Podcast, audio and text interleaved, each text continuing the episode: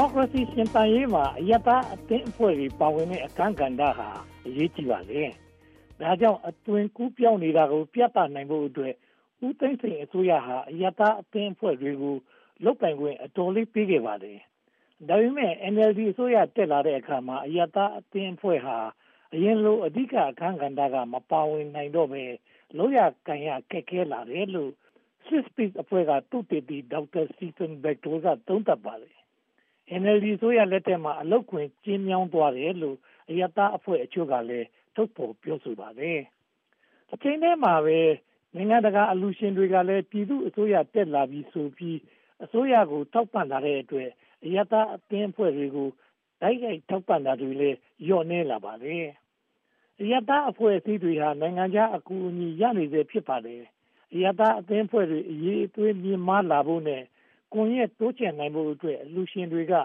ငွေကြေးထောက်ပံ့နေစေဖြစ်ပါတယ်။အရင်လိုဝေဖန်ဆန်းစစ်တာမျိုးတိတ်မလုံနိုင်တော့ပဲအလူရှင်ထောက်ပံ့တဲ့စီမံချက်ကိုအကောင့်ထဲပေါ်ဖို့ကသာကြိုးပမ်းနေကြပါတယ်။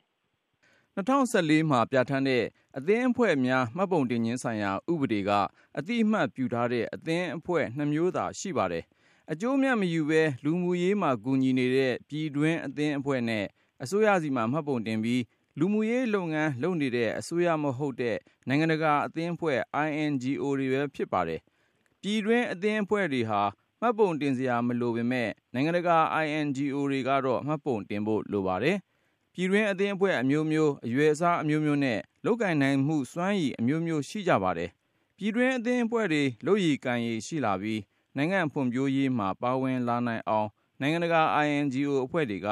ကူညီထောက်ပံ့ပါတယ်။ဥပမာ လူမှုရေးငြိမ်းချမ်းရေး တရားမျှတမှု လူအခွင့်အရေး ပတ်ဝန်းကျင်အရေးနဲ့ ဒီမိုကရေစီအရေးမှာ အရသားအဖွဲ့တွေ ပါဝင်လာအောင် ဥရောပနဲ့ အမေရိကန် INGO တွေက ကူညီနေကြပါတယ်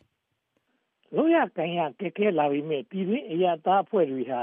လူမှုရေး နိုင်ငံရေး တောင်းဆိုမှုတွေ ဆက်လက်လုပ်နေသေးဖြစ်ပါတယ်။ British Council နဲ့ American AID ဟာ လူထုအခြေပြု CBO အဖွဲ့အစည်းနဲ့အစိုးရမဟုတ်တဲ့ NGO အဖွဲ့တွေကိုစွမ်းဆောင်ရည်မြင့်မားလာအောင် အကူအညီပေးပါတယ်။အင်္ဂလိပ်စာသင်ကြားပို့ချတဲ့စီမံချက်အပြင်မြန်မာကွန်ရက် website လုပ်ပြီးပညာပေးတာမျိုးလည်းရှိပါတယ်။ British Council Facebook မှာအသင်းဝင်2သန်းလောက်ရှိပါတယ်။မဲဆန္ဒနယ်မြေရဲ့အကျိုးစီးပွားကိုမြင့်တင်နိုင်ရေးအတွက်အယတာအဖွဲ့နဲ့သတင်းမီဒီယာဆက်ဆံရေးကို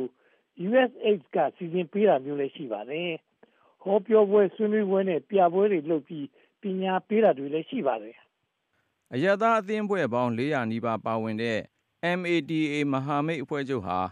ကိစ္စအလုံးမှာ ပွင့်လင်းမြင်သာဖို့နဲ့ တာဝန်ခံဖို့ တောင်းဆိုတဲ့အဖွဲ့ကြီး ဖြစ်ပါတယ်။တတိယအကြိမ်21ရာစု ပင်လုံငြိမ်းချမ်းရေးညီလာခံ ပထမနေ့မှာ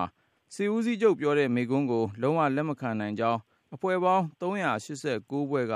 လွန်ခဲ့တဲ့ ဇူလိုင်12ရက်နေ့က သဘောထားထုတ်ပြန်ပါတယ်။ပြည်တွင်းနဲ့ ပြည်ပ အရက်သားအသင်းအဖွဲ့60ကျော်ပါဝင်တဲ့ ကျားမရေးရာဒန်းတူညီမျှရေးကွန်ရက် ကျားမဒန်းတူအခွင့်အရေး ခံစားနိုင်ဖို့အတွက် တက်တက်ကြွကြွလှုပ်ဆောင်နေကြတာ တွေ့ရပါတယ်။တိုင်းရင်းသူ အမျိုးသမီးတွေကလည်း အသင်းအဖွဲ့နဲ့ ကွန်ရက်တွေ တည်ထောင်ထားကြပါတယ်။ရန်ကုန်နဲ့ မန္တလေးမှာတော့ အရသားအသင်းအဖွဲ့တွေကို သင်တန်းပေးတာမျိုးတွေ ရှိပါတယ်။လူခွင့်ရင်းနဲ့ တာဝန်ခံမှုဆိုင်ရာ အရသားအဖွဲ့အစည်းတွေနဲ့ ပတ်သက်လာရင် အစိုးရဟာအမြင်မကြည်တော့ဘူးလို့လွန်ခဲ့တဲ့နိုဝင်ဘာလထုတ် Equality မြန်မာရဲ့ CSO Sustainability Index မှာဖော်ပြထားပါတယ်။အယတာအဖွဲ့အစည်းဥဆောင်တဲ့အစီအစဉ်တွေမှာ NLD ပါတီဝင်တွေပါဝင်လာမှာကိုအစိုးရကမလိုလားဘူးလို့ဆိုပါတယ်။အယတာအဖွဲ့သို့မဟုတ်သတင်းမီဒီယာကလုပ်တဲ့ပွဲတွေကိုတက်မဲ့ NLD အမတ်ဟာဌာနချုပ်ကိုခွင့်ပြုချက်တောင်းဖို့လိုတယ်လို့ဆိုပါတယ်။ အယတာအဖွဲ့အစည်းနဲ့ ပတ်သက်တဲ့ ပြည်သူအမြင်မှာလည်းအတွင်အမျိုးမျိုး ရှိနေပုံရပါတယ်။ကျန်းမာရေး ပညာရေး လူမှုရေးနဲ့ကေသရေးလုပ်ငန်းတွေမှာ ကူညီထောက်ပံ့နေတဲ့အယတာအဖွဲ့အစည်းတွေကို ပြည်သူလူထုက ကြိုးစိုးထောက်ခံကြပါတယ်။အကောင်းဘက်က မြင်ကြပါတယ်။ဒါပေမဲ့ ဘာသာရေးရာ လူနည်းစုနဲ့ ဒုက္ခတဲ့ကိစ္စကို ဆောင်ရွက်နေတဲ့အယတာအဖွဲ့တွေအပေါ်မှာတော့ ပြည်သူအမြင်ဟာ မကြည်လင်ဘူးလို့ ဆိုပါတယ်။ အစိုးရစာနယ်ဇင်းအာဘော်အတိုင်း နိုင်ငံခြားအကျိုးစီးပွားကို ရှေ့တန်းကတင်တယ်လို့ ယူဆကြပါတယ်။ဒါပေမဲ့ ပုဂ္ဂလိက မီဒီယာကတော့ ကွင်းဆင်းနေတဲ့အယတာအဖွဲ့အစည်းတွေစီက သတင်းရတာမို့ အမြဲတမ်း ဆက်ဆက်မှု ရှိနေကြပါလိမ့်ခင်ဗျာ။